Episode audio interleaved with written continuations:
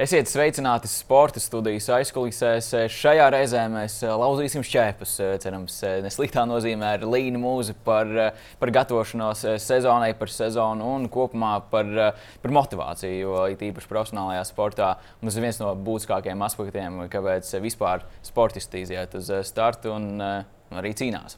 Sveika, Līna! Sveiks! Es nevēlu pieminēt motivāciju, jo īpaši tagad, kad ir tik daudz izaicinājumu mums apkārt, arī ne sportistiem, parastiem cilvēkiem. Tā var teikt, bieži vien ir jāatrod motivācija, kāpēc piecelties, ko un kā darīt. Eh, kas ir tavs, eh, eh, tavs motivators ik rītu, lai tu pieceltos, mm. lai tu sāktu ko darīt? Principā tie ir mērķi, mani sportiskie mērķi, tās ir medaļas, tie ir uh, rekordi.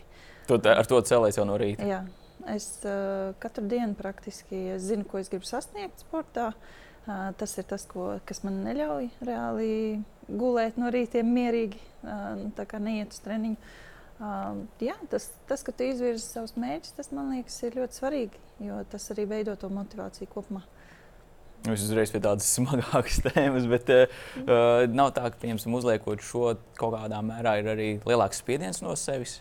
Protams, un es teiktu, ka vislielākais spiediens nāk no sevis, jo tu tomēr zini, ko tu gribi, kāpēc tu dari katru dienu to, ko tu dari, cik daudz ieguldi. Un, uh, tas spiediens jau, es teiktu, dažreiz palīdz, dažreiz nepalīdz, bet principā ir jāzina, ko grib. Jo, uh, principā par motivāciju vispār kā tādu runājot, ja tev nav īsti tā mērķa, tad tu tā arī peldi par to dzīvi. Vairāk vai mazāk. Un, uh, es nu, negribu peldēt, es gribu sasniegt. Un, uh, es teiktu, man labākie gadi tikai, manuprāt, sākās šķērpmešanā. Tāpēc jā, es esmu ļoti excited par nākotni. Kā vispār jūties šobrīd? Jo tomēr eh, sezona pēc Olimpiskajām spēlēm daudziem tā ir pārgrupēš, eh, pārgrupēšanās sezona, pārdomu sezona. Bet ņemot vērā, ka ir pasaules Eiropas čempionāta īstenībā laikam nav laika ap, lai pasēdētu, izvērtētu, izsvērtu, salikt pa prātiņam, kas un kā. Ja, nu, pagājušais gads, jā, tāds, eh, es teiktu, neizdevies tīri Olimpiskā spēļu dēļ. Mēs jau arī tikāmies uzreiz pēc Olimpijas. Un, principā bija diezgan salauzta tajā visā profesionālajā sportā. Biju ļoti vīlusies jau kuru gadu pēc kārtas tieši lielajos mačos. Un um, sevi savākt man uh, palīdzēja sporta psiholoģija. Uh, sezonas turpinājums jau man bija pēc Olimpijas vēl. Es tomēr izlēmu startēt, lai atgūtu to garšu. Un viņš nebija tik slikts. Es uh, tomēr nonācu Dimantlīgā. Dimantlīgas finālā nostartēju vēl divos posmos. Um, beidz ar to pašu piekto vietu dimantā.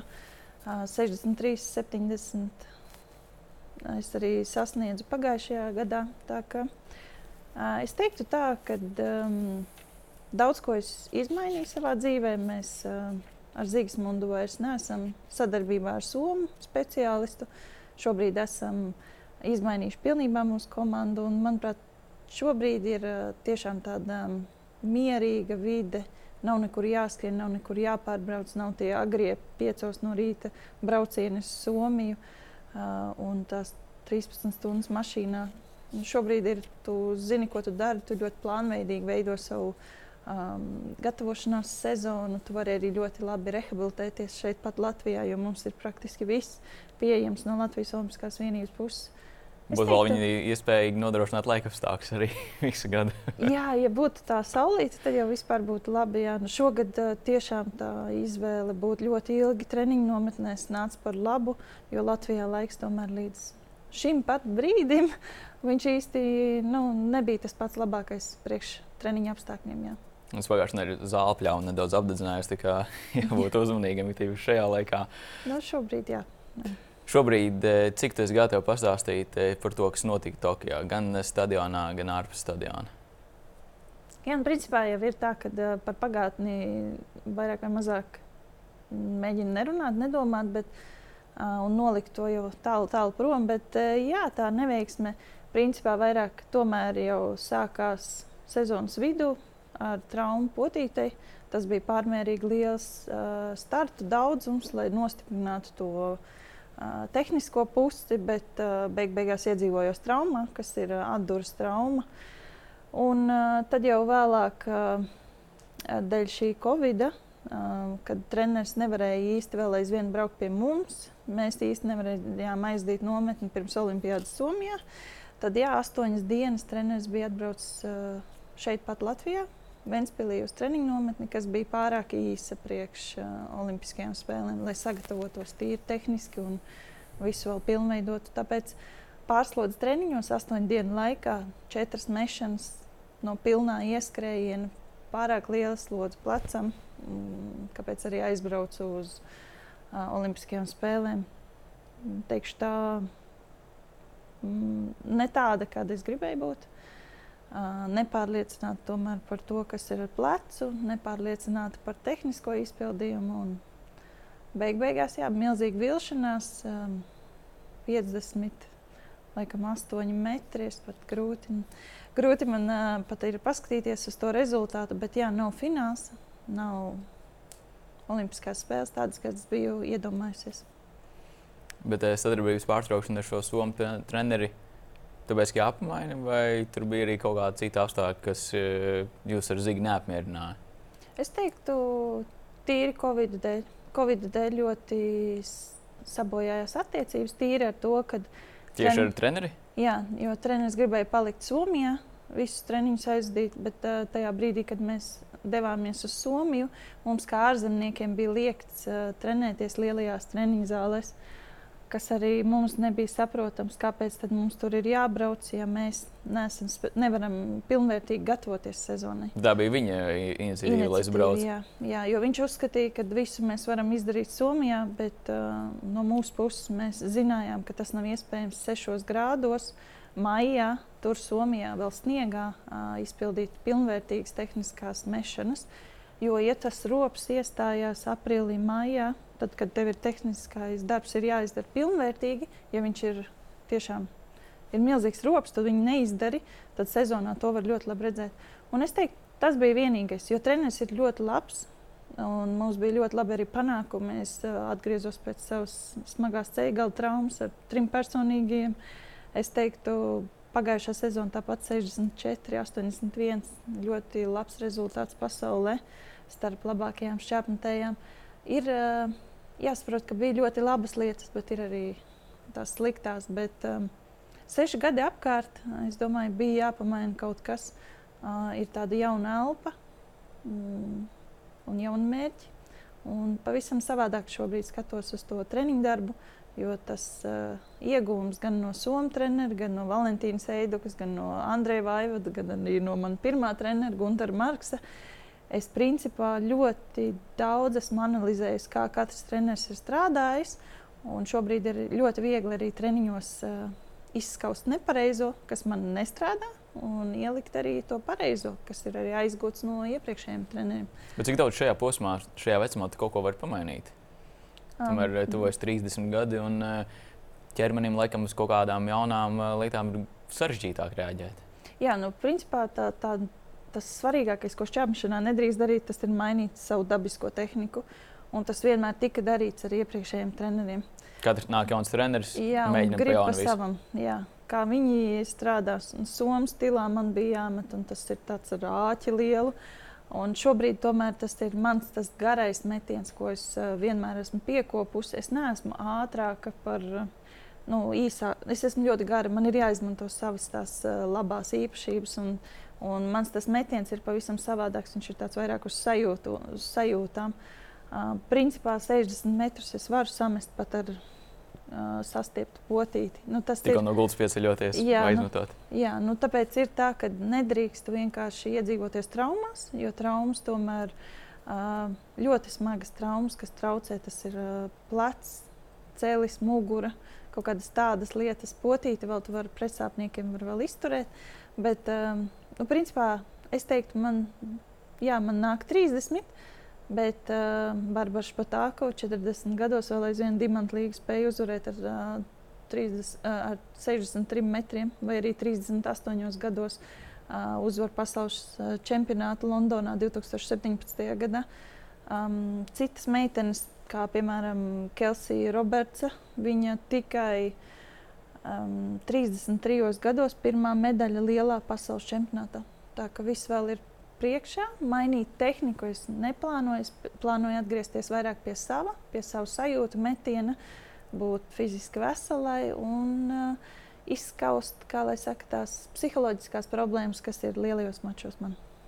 Tas ir, manuprāt, vismaz Latvijas šķērsmetējiem kaut kas tāds, ar ko nākas saskarties katru reizi, kad eh, pienāk kaut kāds lielāks sporta fórums, pasaules, Eiropas čempionāts, Olimpiskās spēles.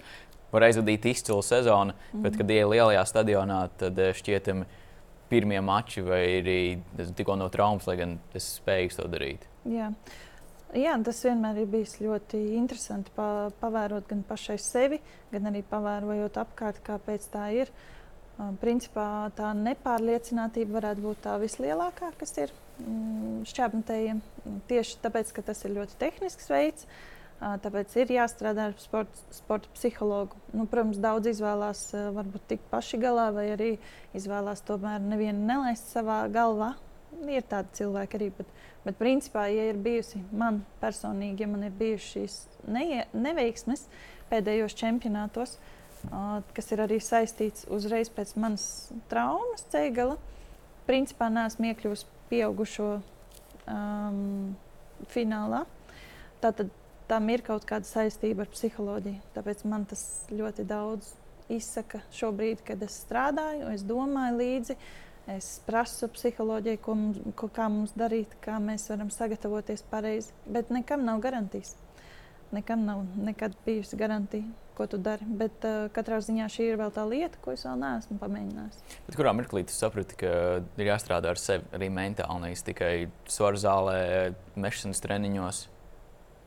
Jā, nu, principā tas bija pēc pagājušā gada pēc Olimpijas. Um, bija uh, dodoties uz nākamajām sacensībām.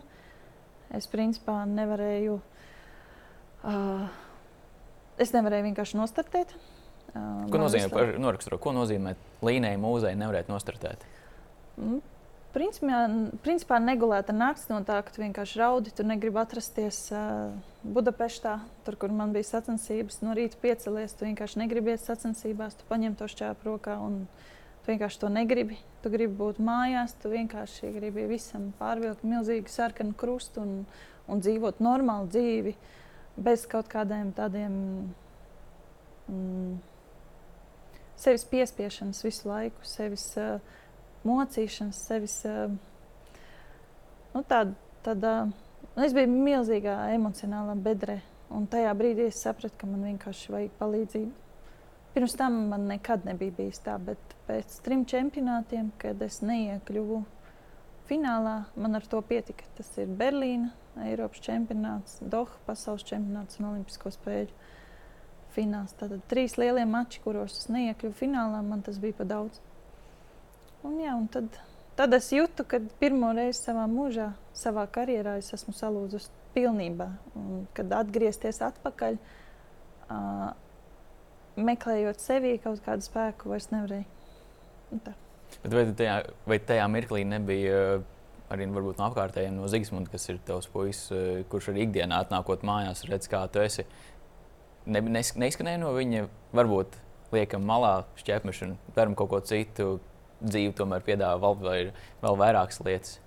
Nu, principā jau neviens tā īsti nezināja, kas ar uh, mani tā notiek. Arī Zigs nezināja. Nu, jā, jo es uh, vienkārši to visu, kas bija iekšā, to jau visu mēģini pats sagramot, pats kaut kādā veidā izanalizēt un mēģināt iet tālāk. Tā ir baigās sevis dedzināšana. Uh, Principā tā arī bija. Un, uh, stāstīt kādam citam, vēl jau vairāk uh, cilvēkam, kuram arī ir, kurš ir pēc uh, pleca traumas, kurš uh, grib atgriezties profesionālajā sportā, augstā līmenī, savā līmenī, uzgāzt viņam vēl kaut ko virsū, tas, tas man nebija pieņemami. Protams, pēc tam, kad uh, izrunājos ar, sport, ar savu sporta ārstu, pēc tam ar sporta psiholoģiju, tad jau arī sapratu, ka tomēr tas ir iespējams darīt kaut kādā līmenī, bet, ja tev blakām ir profesionāls sportists, tāds pats kā tu, tad aptuveni tu zini, kam viņš iet cauri. Bet tā tomēr ir tā otra pusē. Tas nav tavs treniņu biedrs tikai. Jā, bet uh, ir arī, kā lai saka, sporta ar uh, savu um, normālo dzīvi. Tu negribi jaukt kopā. Manuprāt, jūsu gadījumā tas laikam ir ļoti grūti. Ir ne? grūti, bet mēs to esam nodalījuši. Tāpēc arī ir tā, ka tas, kas ir sports, to mēs atliekam malā. Tas, kas Gribu teikt, ka atnākot mēs- mājās, Zigismundam pat nebija nojausma, kas tev iekšēji notiek. Viņš reiz, ka kaut kas varbūt nav kārtībā, bet uh, viņš pat uh, nenojauta, ka ir tik, Tik, varbūt, jā. tik grūti. Jā, jā. Neviens īsti. Jā. Bet tas, tas ir laikam tas, um, tas ir, es teiktu, smagākais, kas ir sportā, profesionālajā sportā. Tā vilšanās un tā cerība, ka tu tiksi tam pāri, bet īstenībā tu to kaut kur vienkārši noliec lejā. Un tad, kad ir kaut kāds nākamais tāds as, asais brīdis, kad uh, ir tas lūzuma punkts, tad nāk viss ārā. Un, jā, un es varēju ilgi izturēt, bet pagājušajā gadā bija par daudz. Tāpēc šogad um, es teiktu, ka es jūtos pavisam savādāk, es jūtos mierīgi, es spēju koncentrēties, es zinu, kas man ir jādara. Man nav vairs nekur jāskraida uz Somiju, jādara kaut kādi nu, trenera darbs, uh, nu, kas, piemēram, ja tev ir ārzemju treneris, tev vienmēr ir jādara ārzemju trenera darbs Latvijā, kas saistās ar visiem papīru darīšanu. Ar nometņu uh, plānošanu, finansiāli tieši tāpēc, ka uh, viss jau ir latviešu. Visi papīri latviešu valodā, un neviens jau nepārtulko visus līgumus ārzemniekam. Tā vienkārši man bija pārāk daudz. Viss. Apkārtā viss ir nevis pats čēpmešana, bet kas viss Jā. Un šobrīd man tas viss ir no maniem pleciem. Zīgesmunds ir vairāk par to visu. Un, un Arnēs Novečuks arī daudz ko uzņemās. Nu, kā fiziskais, fizisko sagatavotību viņš dara. Tā kā man ļoti daudz kas ir nos no pleciem, un es pilnīgi jūtos brīvāk, vieglāk un varu labāk koncentrēties šobrīd tiešām tam, kas ir mans, tā ir šķērsmešana un uz, uzrādīt labus rezultātus un domāt par savu veselību. Nevis domāt par kaut ko, ka, kas sportistam nemaz nekad normāli nebūtu jādara. Vai no Omaskās vienības vai Vieglietīgas savienības kaut kādā mirklī nebija trauksmes zvani par jums ar uh, Zigismundu, kad šī sadarbība ar Somijas treneri, lai arī izklausās labi, bet uh, tā forma, kāda viņam bija, ka praktiskais iegūms ir minimāls un daudz vairāk nāks ieguldīties braukājot, eh, kā tu minēji, piecos no rīta braukt uz Somiju. Tad uh, viss šī loģistika daudz vairāk paņēma uh, enerģijas nekā pats treniņu darbs. Nu, principā viss bija kārtībā līdz sākās Covid. Um, tiešām tas uh, bija plānveidīgi, bija labi un arī redzējām rezultātu. Kad, uh, bet, kad sākās Covid, tad vienkārši nebija iespējams darbs kopā ar viņu. Bija tikai attālināts plānu saņemšana, un, un tā arī bija. Principā tā kā mēs šobrīd arī trenējamies. Uh, Zīgs bija mans treneris, es uh, Zīga treneris. Uh, un, tikai nāca plāni, kas mums ir jāizdara. Uh, visu laiku bijām vieni. Protams, nu, šādā situācijā, nu, ko, ko mēs varam izmainīt, mēs varējām aiziet prom. Bet atkar, atkal es biju ar normatīvu 19. gadā jau uz Olimpiskajām spēlēm. Aiziet prom no trenera, ar kuru tas ir sasniegts, 64, 87, arī būtu ļoti muļķīgi. Tāpēc šis cikls mums ar Zīgesmanu likās, ka mums ir jāizved līdz galam. Nu, šis olimpiskais cikls, ja mēs viņu esam iesākuši ar Kimu. Um, jā, nu, pēc Olimpijas vairāk bija tā lielāka tā izpratne, ka tas nav iespējams. Nu, ja Covid turpināsies, jo nebija jau skaidrs, ka tagad viņš tā apstāsies. Uh, principā nu, tā nav trenēšanās, ka pie, tavs treniņš nosaka, uh, piemēram, tu esi ārzemnieks, tu nevari iet. Um, normāli treniņu aizvadīt iekštelpās, tev jāiet ārā, kur ir mīnus 13 grādi. Viņš trenējas iekšā, bet jūs ārā. Jā, bet mēs ārā tikai tāpēc, ka mēs esam ārzemnieki. Okay, um, nosēdi, aizbrauc uz nometni, tās pašas desmit dienas tu nosēdi viesnīcā. Um, kā tajā karantīnā, un tu tāpat neesi labs. Ja? Tu tāpat esi tā kā var izplatīt vīrusu viņiem. Tu uztaisīji testus divus, iebraucot, izbraucot, iebraucot Somijā, un tad vēl pēc desmit dienām tu tāpat neesi atbilstoši, lai iet trenēties kopā ar Somu, Somiem. Ja?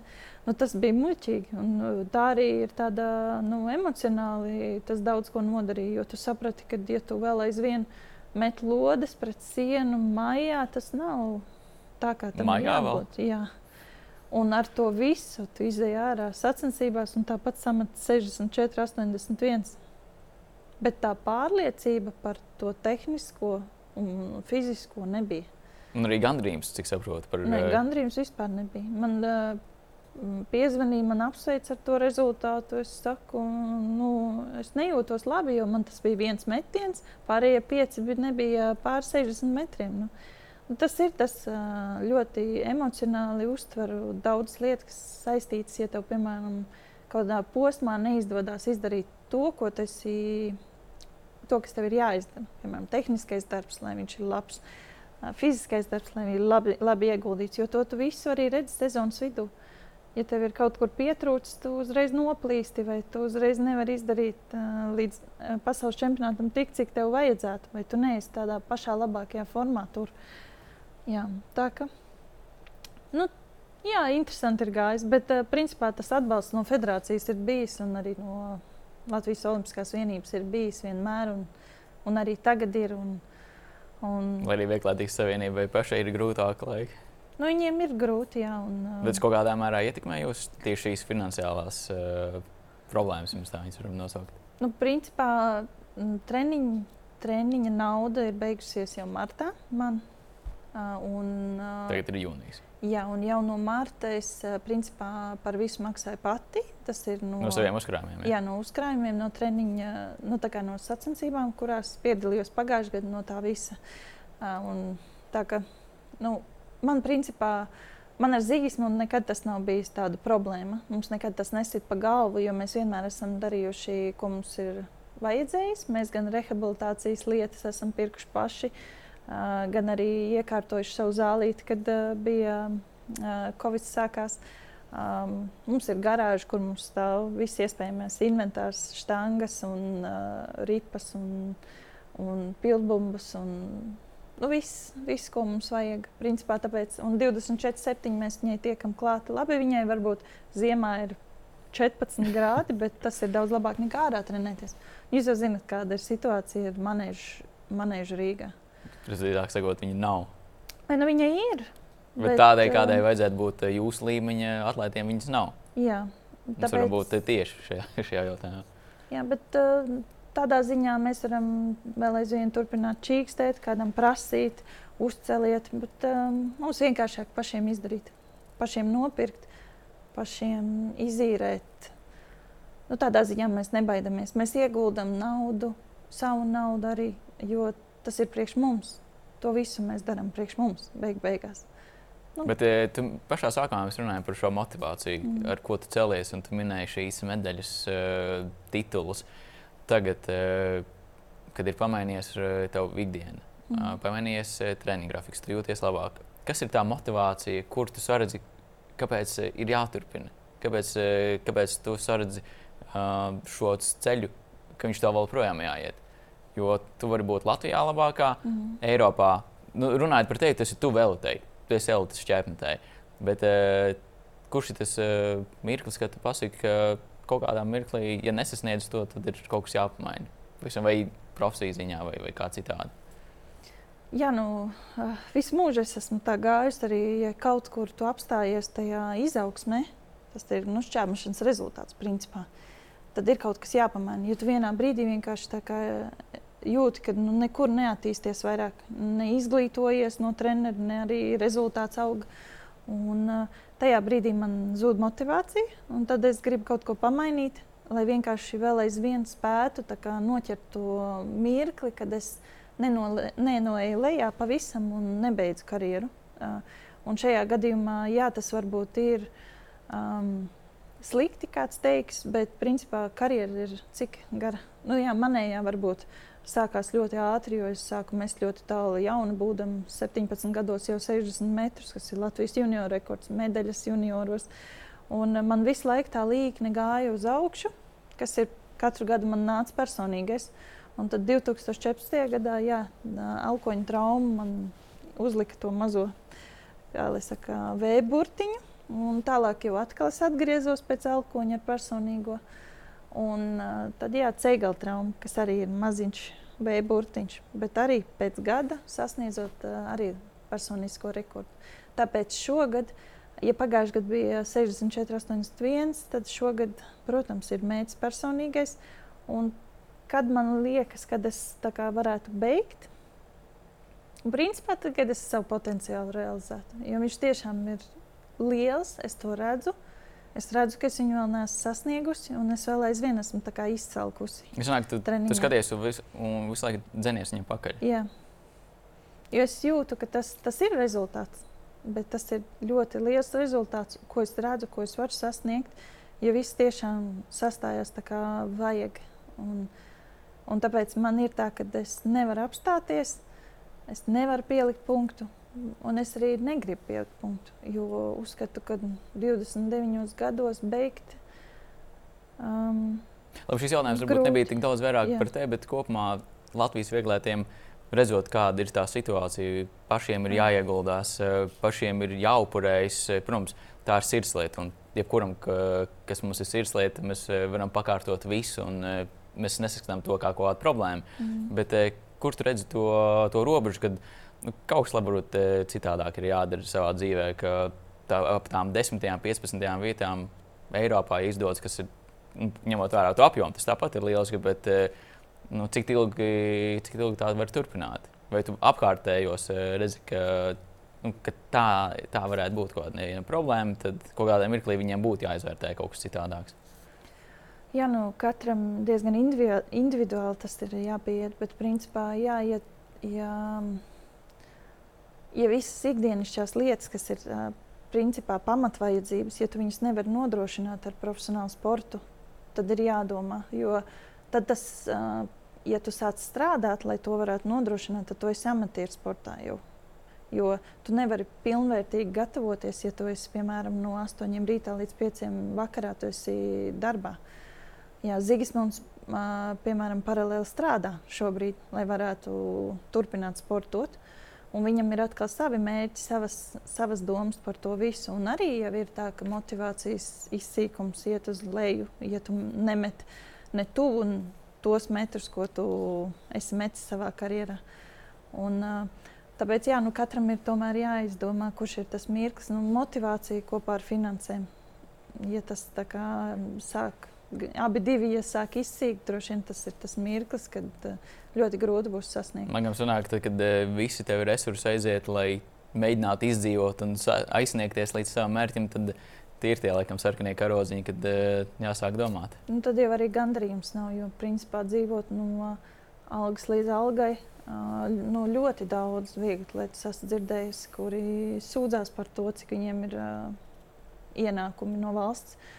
Bet skaidrs, ka uh, tā ir ļoti smaga tēma principā tur jau neko nevar izdarīt, ja tu gribi atbalstīt šo lielo daudzumu, kas ir viegli lietot, pat nezinu, līdz 20. Uh, un nauda ir piešķirta tik, cik viņi ir. Un, ja tu sadali uz tām visām galviņām, protams, ka uh, tā nebūs liela nauda. Pat A sastāvam, kas ir man, viņa jau nav liela, bet uh, principā es pat nezinu, C sastāvam, man liekas, ir tikai treniņa nauda. Nu, tas ir tāds. Uh, Mēs ar Zīgu vienmēr runājam par to, ka tas ir tāds entuziasms Latvijas vieglatlētika. Gan uh, federācijas darbs ir ļoti entuziastisks, gan arī paši vieglatlēti ieguldās, gan arī vieglatlēti vecāki vai sponsori. Sponsoriem arī, es domāju, ir ļoti grūti šobrīd, jo ir, man pašai ir atteikušies ļoti daudz, tāpēc, ka uh, šis karš ļoti daudz ietekmēja. Nu, Jo daudz saku, uzņēmumi ļoti paļāvās uz to, ka viņiem nāk daudz preces no Ukrainas, Baltkrievijas, Krievijas. Nu, šādi cilvēki vairs nevar atbalstīt. Tā, uh, es teiktu, vieglatlētika kā tāda ir entuziastisks darbs. Šķērsmetējiem es teiktu, varbūt ir vieglāk, jo tas tomēr ir tas līmenis. Un tu tiec uz komercmačiem, es nevaru iedomāties, kā ar skrējējiem. Uh, kuriem, kuri netiek uz to diamantlīgu, kuri netiek uz to zelta, kontinentālu goldu tūri vai sudraba vai bronzas, pat ar labiem menedžeriem, jo tur jau priekšā stāv milzīga rinda. Tur nav tā, ka tā, tā kā pasaules vai Eiropas čempionātā, tu vari neizpildīt normatīvu, bet tu tāpat pielasies klāt, jo nav tik daudz nu, no citām valstīm. Un, piemēram, ja vienā valstī ir pieci cilvēki sprintā vai desmit cilvēki, tur jau tikai trīs drīkst braukt. Un iespējams čempions kā ceturtais. Uh, nu, tā pielasās. Bet skaidrs, ka arī citās disciplīnās nokļūt Olimpiskajās spēlēs, Eiropas čempionātā, pasaules čempionātā, startēt ar pašiem labākajiem, tas jau ir milzīgs sasniegums. Mums šķērsmetējiem ir tāda sajūta, ka tā ir norma sūtīt sešus. Ja? Tā ir norma, ka mēs esam gandrīz pilnīgi visi. Um, un, jā, cilvēki ir vairāk vai mazāk. Ir, Latvija ir pie šķērpšana jau vēsturiski ir bijusi labās, labās vietās, gan nu, kopumā pasaulē, gan arī Olimpiskajās spēlēs. Tāpēc laikam, tās tradīcijas arī nu, uzliek lielāku atbildību arī pret jums, ka vieta Olimpiskajās spēlēs pirmkārt tā ir kā pašsaprotama lieta, vismaz pēc tā, kā ir mm. vēsturiski bijis, un tad tālāk jau, jau pēc rezultātu. Pilnīgi noteikti. Un Jānis Lūsis ir uh, galvenais un uh, Ines Jaunzem tie, kas mums tiešām ir lielākie aizsācēji. Pirmā medaļa Olimpiskajās spēlēs. Austrālijā un Jānis Lūsis vispār visas trīs kalumu medaļas. Sāk ar bronzi, tad apnājis uz zelta. Jā. jā, jā, bet uh, šogad arī Minhene, kur bija uh, Olimpiskās spēles, Jānis Lūsis iegūst sudraba medaļu. Tā ka arī tas ir tā, ka tu nu, tu, tu izjūti kaut kādu saikni ar savu kā, aizsācējiem, šķērmešanas. Bet, bet uh, ko es gribētu pateikt, ļoti daudz cilvēku vērtē mūsu pēc tā, kas ir bijis. Arī salīdzina jaunos sportistus ar, piemēram, ar to pašu Vadimu, Aināru, ar, ar Jāni Lūsi vai Dainu Kūlu. Bet beig beigās mēs redzam, ka tomēr uh, katra des, desmit gadi ir pavisam savādāk. Un, uh, ja, piemēram, Zīgis meta uh, 18 gados 84 metrus. Tad šobrīd, eh, un tad viņu vērtēja ļoti slikti, un viņi pat uh, no Latvijas Olimpiskās vienības 2012. gadā izmet ārā 19 gados. Uh, Kas ar 84 metriem. Un tāpēc, ka bija Vadims un bija Kovals. Nu, bija tāda jau lielie jau bija. Šobrīd 84 metri ir. Nu, labs, eh, kā lai saka, labs jau šķēpnēs, saproti, jau nu, 20. Viņš jau samata gan agri šo, šo stāvos mērķi. Jā, nu, principā mēs arī vērtējam ļoti atšķirīgi. Tad, kad kāds 90. ir, tad kas ir 84. Uh, piemēram, tagad mums uh, nav neviens 84. šobrīd. Uh, bet mēs to vērtējam ļoti augstu. Mēs arī esam pieraduši, kad mums ir bijuši 90, mums ir bijuši jauniešos medaļas, mums ir bijušas arī dimantlīgas uzvarētāji Madara Palamēka. Mums ir bijuši visādi panākumi, bet beig beigās mums tomēr ir jāvērtē ļoti kritiski katrs. Un jāsaprot, ka šobrīd šķēršana ir pilnīgi citā līmenī. 97 metri 96 pagājušajā gadā arī Johannes Veters. Andersons Pīters, 90. šogad ir samets 93, vakardien 90 metrus. Vācietis Trinidadietis, kurš met 89 brīvi sacensībās. Uh, kur esam mēs šobrīd? Skaidrs, ka grūti ir konkurēt ar 83, 82. Bet, bet tā, tas, ir, tā ir šī brīža arī. Jā, bet tas ir labs pamats, lai nokļūtu finālā nu, gan pasaulē, gan Eiropā. 83 stabili to, ko met šobrīd Patriks. Tas ir ļoti labs pamats, lai būtu elites divpusniekā. Novēl to, protams, arī Gatim un, un arī uh, Rolandam. Bet, uh, principā, es domāju, ka būs nepieciešama 83 metri finālā, lai pasaulē tiktu. Tātad uh, nu, ir ļoti pamainījusies vispār desmit gadu laikā šī šķērsmešana vispār Latvijā, pasaulē. Uh, Mēs latvieši esam pieraduši, ka mūsējie brauc un ka mūsējie ir izdarījuši iepriekš, bet nu, šobrīd jāskatās arī savādāk uz to visu. Kur esam mēs pret, piemēram, tiem pašiem vāciešiem, kad es aizbraucu uz viņu treniņu zālēm un viņi ļauj patrenēties tur pa brīvu. Mums, mums tepat par maksu nav ne tuvu nekas. Es esmu gatava maksāt tos 10 eiro par treniņiem, ja man būtu tāda vieta Rīgā, kā piemēram viņiem mazajās pilsētiņās nu, kaut kāda izpratne. Tā ir sāpīga tēma par infrastruktūru kopumā, kas Jā. gadiem, pat desmitiem jau visu laiku ir aktualizēta. Bet, uh, Kaut kā kūtra virzās vienīgi Valmjerā tagad, un redzam arī citās uh, uh, pilsētās ārpus Rīgas. Top, cik varbūt liels aspekts ir Valmjeras manēžs, gan rekonstrukcija, gan arī tas, ko viņš šobrīd var piedāvāt vieglētiem. Jā, nu, Valmiera ir ļoti laba, bet, protams, tas arī ir ļoti liels naudas jautājums, lai tur paliktu tie ir 50 eiro diena dzīvošana. Uh, un, uh, tā arī ir aptuveni. Tas... lētāk reizbraukt uz ārzemēm?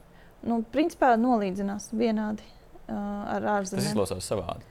Tas, jā, bet, ja tu neesi valmierietis un ja tev ir, piemēram, uz turieni ir jā, jābrauc kā, trenēties uz ilgāku laiku, tad tev ir jāatzīst. arī ir kosmosā. jā, bet um, Valmiera bija ļoti laba vieta, kur trenēties. Es arī izmantoju iespēju janvārs, februārs tur trenēties, un, uh, un tas ir pavisam savādāk.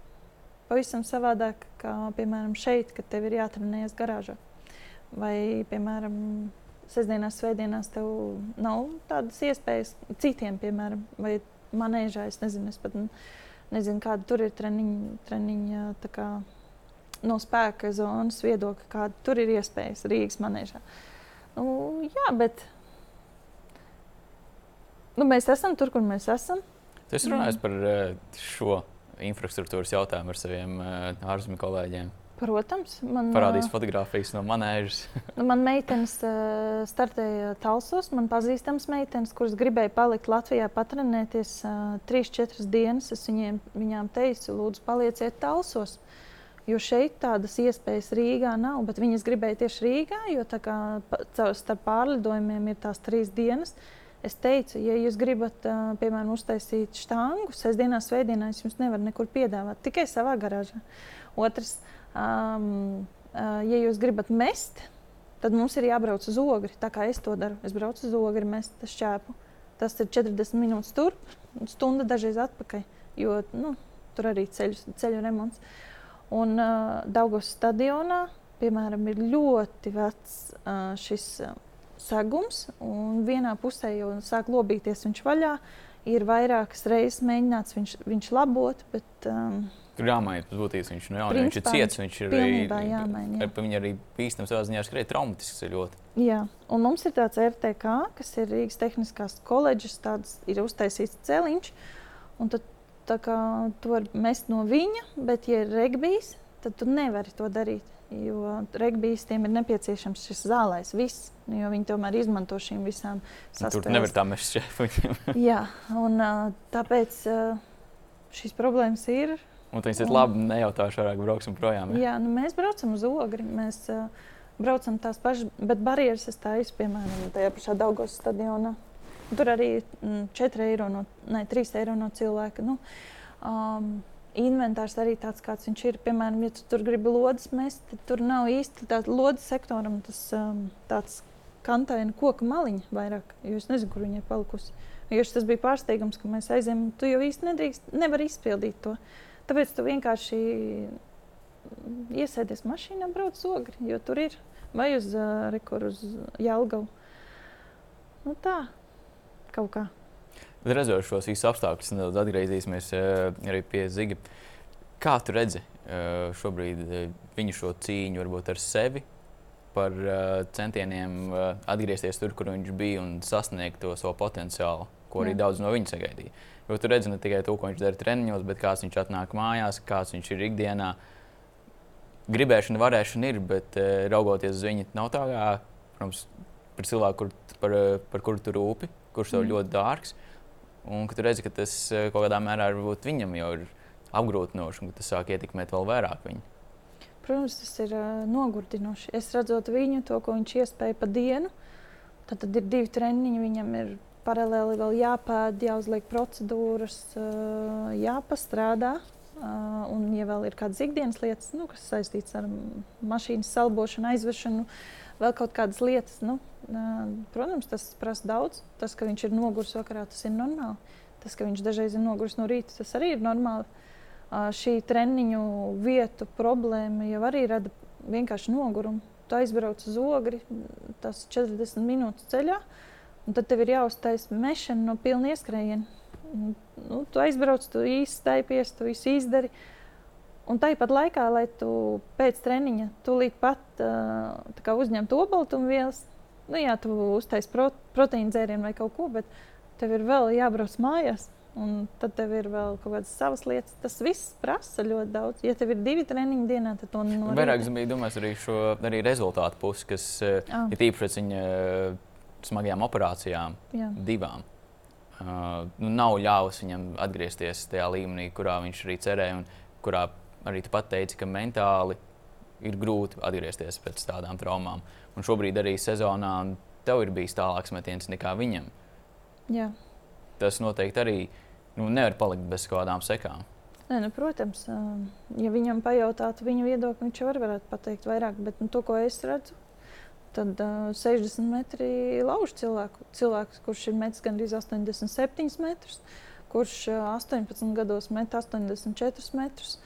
Uh, tikai stiprs cilvēks var sagrabot 60 metrus. Un pēc tam atkal iet no rīta, uh, cilāt tos pašus svarus, darīt visas mazās kustības, uh, pavadīt 5 stundas dienā treniņā, lai samestu 65 metrus.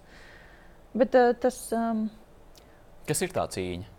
Tā cīņa ir ar sevi, ar to, ka tu vienkārši. Bet viņai ir, viņai ir kaut, kāda, kaut kāda jēga vai, vai virzība kaut kur. Nē, ir jēga. Visam ir jēga. Ja viņš, piemēram, šobrīd, jā, fiziski viņš ir spēcīgāks kā jebkad, tas ir skaidrs. Bet viņam ir pazudusi tā sajūta mešanas, ko tu vari dabūt atpakaļ tikai metot. Un arī tā pati lieta, tas pats, kas man tikai cels, bija viņa vieglāk.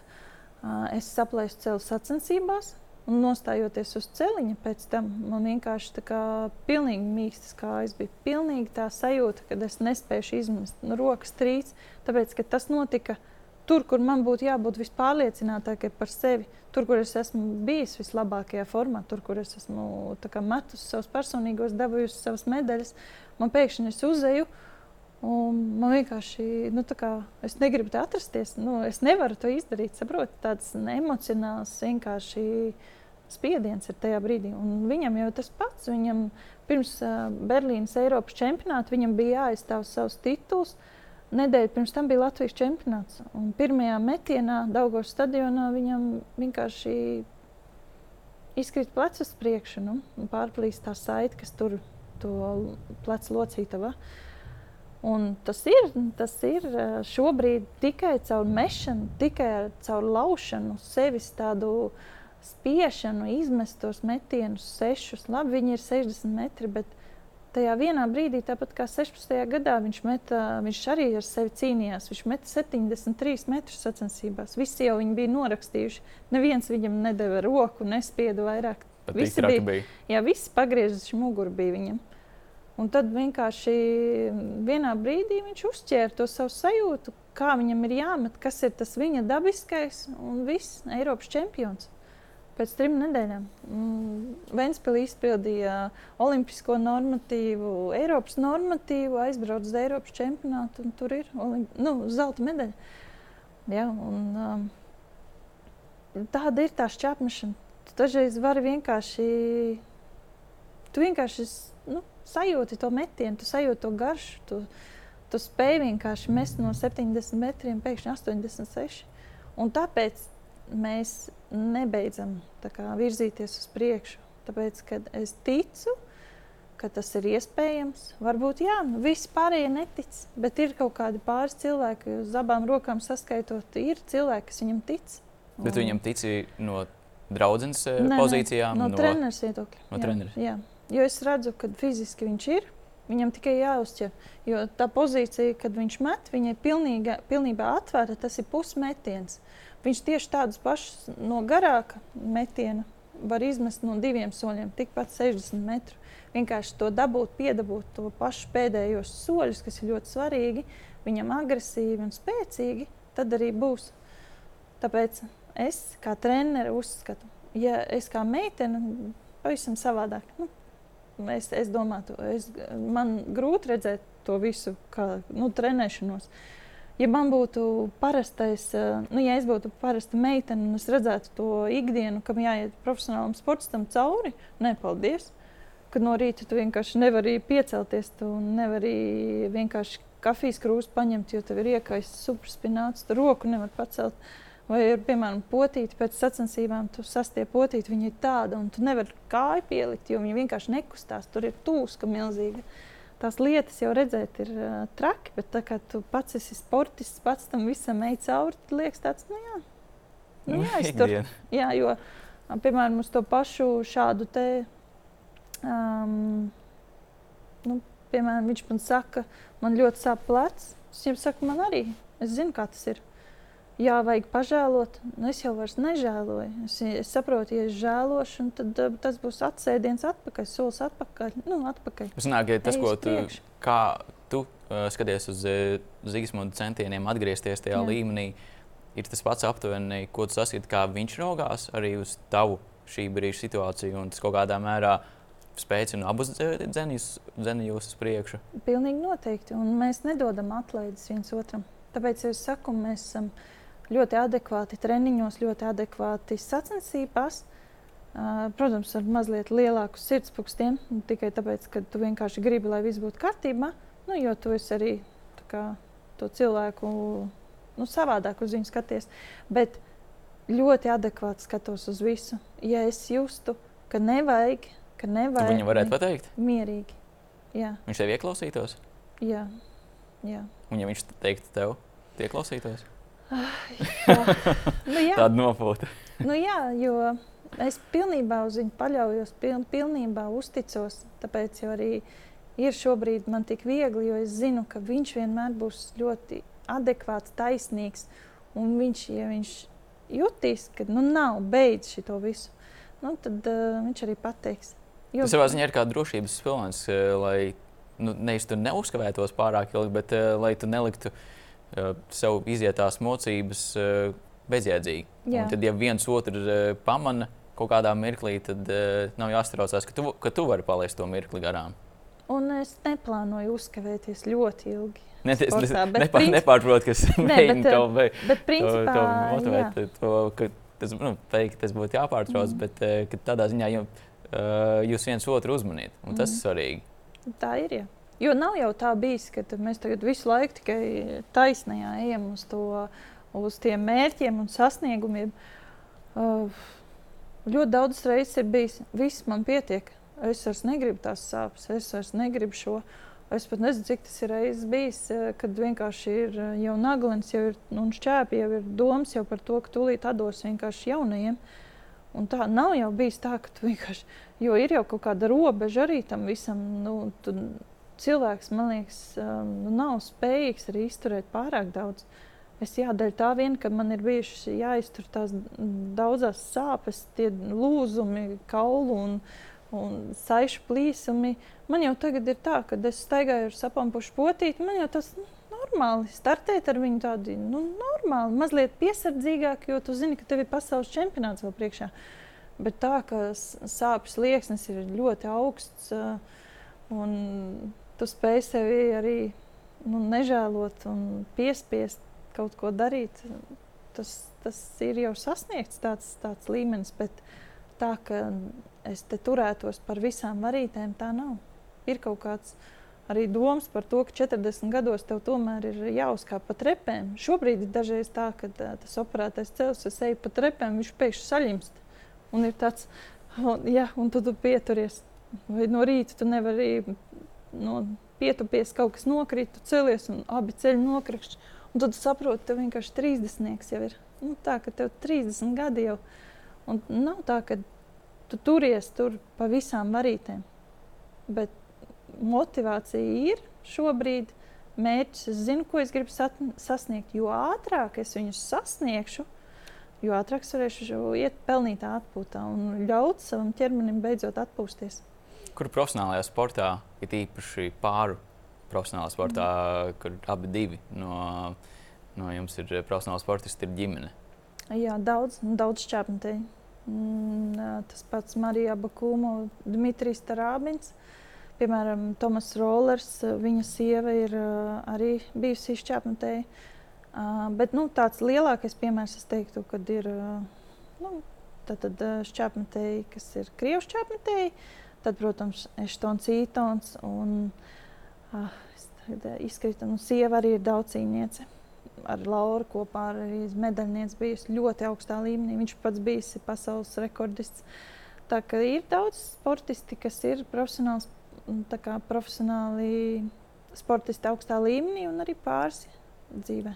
Jūs redzat, ka tavi bērni varētu būt šajā apmešanā? Nē. Nē? Šobrīd ne. Um, ja viņi izvēlēsies, nekad neliktu tā kā viņiem kāju priekšā, bet uh, Es šobrīd neredzētu savus bērnus tur, jo mēs abi esam tam izgājuši cauri. Visos līmeņos. Visos līmeņos, bet sportā obligāti. Mēs gribam, lai mums bērni attīstās tieši ļoti agrā bērnībā iet gan uz, uz uh, vingrošanu, gan arī iet uz sporta spēlēm, kas ir ļoti svarīga koordinācija trenēt. Mēs aptuveni jau iedomājamies, kur mēs ko sūtīsim, bet, bet tā, ka mēs tomēr, ja domātu par bērnu nākotni, sūtītu kaut kas, kas ir mazliet um, finansiāli labāks. Ja viņi vēlēsies būt sportā, un ja viņiem visas dotības arī būs.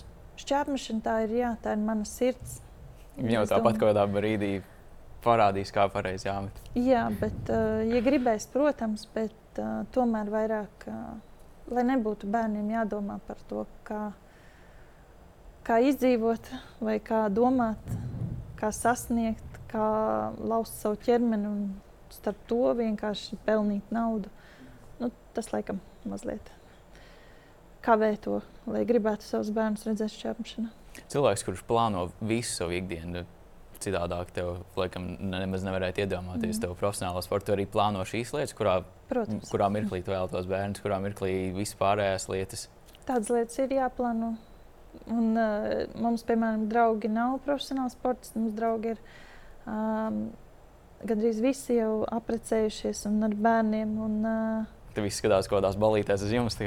nu, jā, jā, mēs eh, ik pa laikam tādas replikas par bērniem, tā, bet uh, principā tā izpratne no viņu puses viņi arī uh, no sākuma varbūt nesaprata. Tad, kad mēs viņiem paskaidrojam, kā tas ir uh, sievietei būt profesionālajā sportā un uh, tos deviņus mēnešus tomēr iznēsāt bērnu, tad uh, vēl, protams, tur ir nepieciešams vēl laiks, kamēr viņi baro. Un tad tikai drīkst atgriezties. Nu, Barbara Špatāko to ir izdarījis divreiz, ir atgriežusies ar divām zelta medaļām. Tas ir viss iespējams. Uh, vienkārši, ja, ja, ja tu plāno, plāno visu savu dzīvi arī sportā, kā tu teici, tad arī jā, šīs lietas arī tiek plānotas. Nenotiek tā, bet, kā nu, citiem. Visticamāk, nevar precīzi ieplānot, bet ir kaut kāda, kaut kāda aptuvena virzība, laikam, ir. Nu, ir, ir aptuveni tie, tādas lietas. Un es domāju, neesam vienīgie. Tā, es domāju, ļoti daudz profesionāliem pāri kas, kas tā arī dara. Jo puišiem vispār nav problēmas. Nu, ja meitene ir. Puiši ir tāda tāda ziņā privileģēta, ja nu, diemžēl vai par laimi. Jā, bet uh, tas ir normāli. Meitenēm tomēr ir jāplāno vairāk tas viss. Bet jā, tas posms arī ir jāgaida. ar saviem pleciem. Nu, Gan drīz, jā. Bet uh, nav jau tik smagi. Kas ir ārpus šobrīd šķērsmešanas, kas piešķir varbūt tev dzīvē kaut kādu košumu? Zinām, ka hobijs ir Zigsmundam automašīnas. Viņam mm. ļoti patīk viņas gan labot, gan arī kolekcionēt modelīšas. Jā. Kas ir tavs? Nu, šobrīd īstenībā man hobijam nesanāk praktiski vispār laiks, jo man ir kādam ir jādara arī mājas darbi. Un tie nav tā, ka uh, prasa maz laiku, piemēram, profesionālam sportistam. Es katru dienu mazgāju drēbes.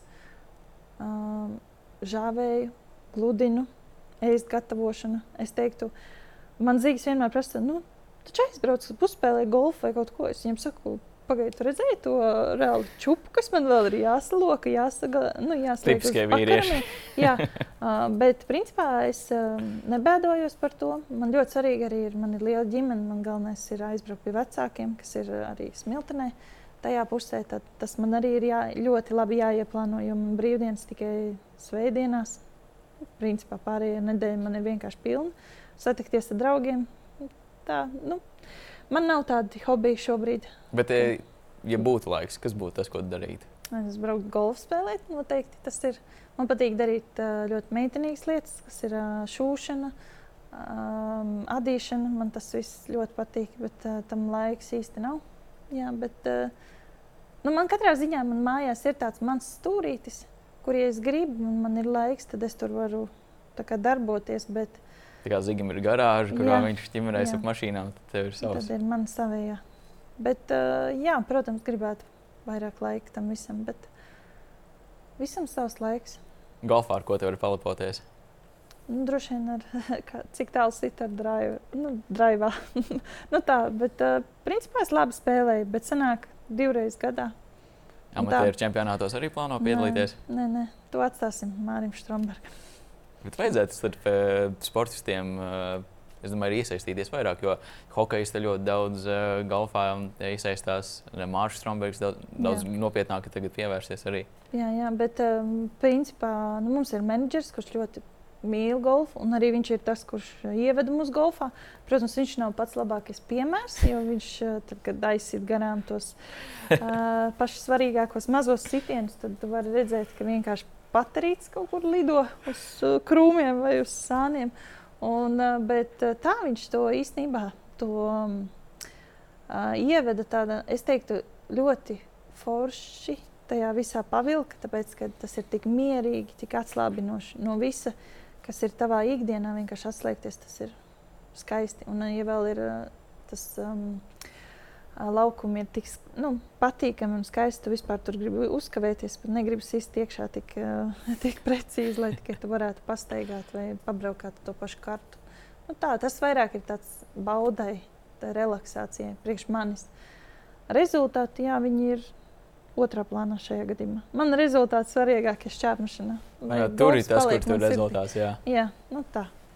Bet um, menedžers šogad plānoja taisīt. Um, Viņam ir ļoti daudz sportistu arī, kas spēlē golfu. Un, uh, jau kurā gadā, 2014. gadā, laikam, mēs spēlējām, ka bija viens sportists un viens profesionāls golferis. Pārsvarā tie bija īgauni, jā, profesionāli golferi. Tā kā mums ir bijušas tādas sacensības, pieredze laba. Kas ir uh, perfekts metiens šķērsmešanā? Tad, kad tu vari pēc metiena, tu vienkārši jau zini un izjūti viņu caur ķermeni, un tu vienkārši vari pacelt augšā roku. Tāds, ja? Bet tehniski tu vari pateikt šo ceļu līdz per, per, perfektam metienam. Ieskrējiens, uh, spēka bija mirklis, kurā tu izmet uh, soļu, cik to viņi ir. Jā, nu, principā tas ir uh, ritms, bloks un tu trāpi šķēpā. Trīs lietas, ko es, piemēram, uz ko es domāju, tas ir notver, noķert to ritmu jau pašā sākumā un ievilkt telpu, un tu noliec bloku, un tev vienkārši tas šķērs pats vienkārši izlido ārā. Tev nekas nav jādara. Un tad tu vienkārši to redzi, kad viņš vienkārši jau gludi aiziet, tad tu zini, ka ir. Un tu jau vari pat, uh, pat neredzot, kur viņš iedursies, tu jau jūti, ka tu vienkārši zini, ka tas ir uzvaras metiens. Nu, tas, nu tā, tas ir tavs, ka tu iz, izdarīji visu maksimāli pareizi. Tehniski Jā. ir iespējams divus metienus pēc kārtas identiskus uztaisīt. Nē. Mm. Vienmēr kaut kas ir atšķirīgs, vai tas ir priekšējā roka, vai nu, nav, nav tāds. Ja piemēram, paskatāmies uz tavu personīgo rekordu, mm. kas ir gandrīz 65 Jā. metri, uh, ja varētu to kaut kā nokopēt un pielikt vēl klāt, nu, tā laikam dzīvē nenotiek. Mm, diemžēl nē, jā, bet uh, piemēram 80, tas personīgais, kas man bija Ķīnā, viņš bija daudz tehniskāks nekā uh, piemēram pagājušā gada metiens, jo es viņā īsti netrāpīju. Tajā 64, 81. Tā kā daudz kas ir vēl labojams, daudz kas ir um, izdarāms, darāms šķērsmašīnā tu nekad nevari būt līdz galam visu izdarījis. Tad, ja, ja tu varētu visu perfekti iemācīties, tad jau visi mestu 104 metri, ja tik cik vecais šķērs lidoja. Tāpēc jā, es gaidu, kad es trāpīšu beidzot šķēpā, tā kā Jānis Lūsis teica. Kad tāds viens mazs punktiņš tur būs, es nevaru sagaidīt to brīdi, jo vēl tas nav noticis. Tāpēc es arī nevaru vienkārši, nevaru vienkārši aiziet. Un tā. Divi gadi būs pagājuši kopš uh, Jānis Lūsis gāja mm. viņa solē. Un, uh, viņš jums ar Zigi bija ļoti svarīgs ne tikai no sava uh, sasniegtā, bet arī tā, kā viņš arī ar jums komunicē. Viņš kaut kā atrada iemeslu, kāpēc ar jums jārunā, kāpēc jums jāstāsta. Kas ir tas, ko tu līdz šim brīdim esi paturējis prātā? Viens saruna, padoms. Nu, jā, tad, laikam tādu vienu tu nevari atrast, jo tā informācija nāca ar mm, lielu daudzumu. Bet, principā, tas, kā viņš ticēja mums, tas, kā viņš ticēja, ka mēs metīsim ļoti tālu, tas, tas, tāds, tas arī ir ļoti svarīgi. Tas ir tas, kāpēc es, piemēram, man ir nācies, diemžēl, nomainīt trenerus. Nevienmēr tāpēc, ka kaut kas no manas puses bija varbūt arī ne līdz galam. Vienkārši viņi pārstāja ticēt tam, ka es varu. Un tik daudz vienkārši, kad um, man vienīgais, kas atlika, bija aiziet. Jo, ja cilvēks man netic, ko nekas jau man tur netur. Un tāpēc eju tālāk. Un viņš vienmēr ticēja, viņš vienmēr zināja, viņš teica, metīs. Arī, arī Zigim pēc operācijām teica, ka metīs. Vienkārši jānoķer tā sajūta. Kā, ka tev cilvēks tic un vēl pie tam tāds cilvēks, kāds bija Jānis Lūsis, nu, sirsnīgs savā visā būtībā un arī šķēpmešanas karalis. Nu, kā viņi arī ārzemēs sauc un visi viņu zina. Nu, Tas dzēns priekš. jā. Tas arī palīdz tam šķēpam lidot. Un es ar viņu arī izaugu. Mm, Visas nometnes, kāpēc Čāpantē klubs mums bija tik svarīgs, kāpēc arī bija tie panākumi. Visas nometnes, kad es biju maza meitene, Laurika un mēs arī kopā bijām. Limbaži, Mūrjāņi, Koknese. Mēs tur visi bijām mazi vēl. Un Jānis Lūsis mums mācīja, kā mest. Treneri mā- Indra Eversona mācīja, kā mums mest. Visi tie treneri vienkārši mūs uzaudzināja. Tāpēc jau tie panākumi neizpalika. Tur arī bija tas, kāpēc mēs no nekā kļuvām par kaut ko pasaulē. Šīs nometnes, šīs, šīs um, iespēja parunāties ar labiem speciālistiem, arī ne, ne tikai tava trenera, bet citiem. Nu, tā mēs visi augām. Šobrīd katrs ir savā stūrī, un es nezinu, no kā slēpjas. No laikam Jāņa Lūša teiktiem ir eh, vēl lielāka vērtība un spēka vārdi arī tas ir tas, kas arī ir palicis tev Jā. atmiņā. Tāpat kā Ines Jansam. Jā. Arī. Jā. Jo pirmo reizi es šķēpu paņēmu rokās viņu sacensībās 2005. gadā. Un šeit, cik gadus vēlāk, es esmu šeit un vēl aizvien esmu iekšā tajā šķēpšanā. Un, un jā, Un tagad eh, jūsu kārta ir iedvesmota jaunos, un arī uz jums skatās. Nē, pilnīgi noteikti. Jā. Bet, um, lai uz tevi skatītos tā, kā mēs skatījāmies uz Jānu Lūsu un Ines Jaunzemi, tev ir jābūt medaļām. Tev ir jābūt olimpiskajām medaļām, tev ir jābūt pieaugušo čempionātu medaļām, tev ir jābūt labam rezultātam. Jo bez medaļām tu jau esi vienkārši čapmetējs, kurš tajā pelēkajā plūsmā arī tā arī aizslaukās ar gadiem. Šos ir uh, divi tādi nozīmīgi notikumi mm. - pasaules un Eiropas čempionāts. Uz ko tu vairāk lietas savu uzmanību? Šobrīd pasaulē. Man Eiropa izbaudīt. Jā. Uzmanību, viss koncentrēšanās pasaulē, Mhm. mm. Eiropa izbaudīt. Jā. Un tad jau paskatīsimies, vai koncentrācija būs tas, kas uh, man palīdzēs, vai tomēr izbaudīt sacensības pirmo reizi mūžā. Nu, tā. Paldies, Līna. Un uh, galvenais, lai ir tas gandarījums uh, pēc, pēc vis tā, ko dari. Mm. Un tad jau laikam neko sev pārmest arī nevarēs. Tieši tā. Paldies, ka atnācāt, paldies, ka veltīji laiku. Un tad jau tiekamies sektorā, Pareizi. Stadionā. stadionā. Jā. Līna mūza par uh, šķērsmešanas aizkulisēm, motivāciju un uh, gan nedaudz vērtīgu arī atziņu kopumā šajā sarunā. Paldies, ka bijāt uh, kopā arī mums, ar mums šajā sporta studijas aizkulisēs epizodēs. Gan šo, gan arī visas iepriekšējās variet atrast sporta studijas platformās, gan YouTube, gan Apple podkāstu un arī Spotify. Tiekamies jau nākamreiz un visu labu!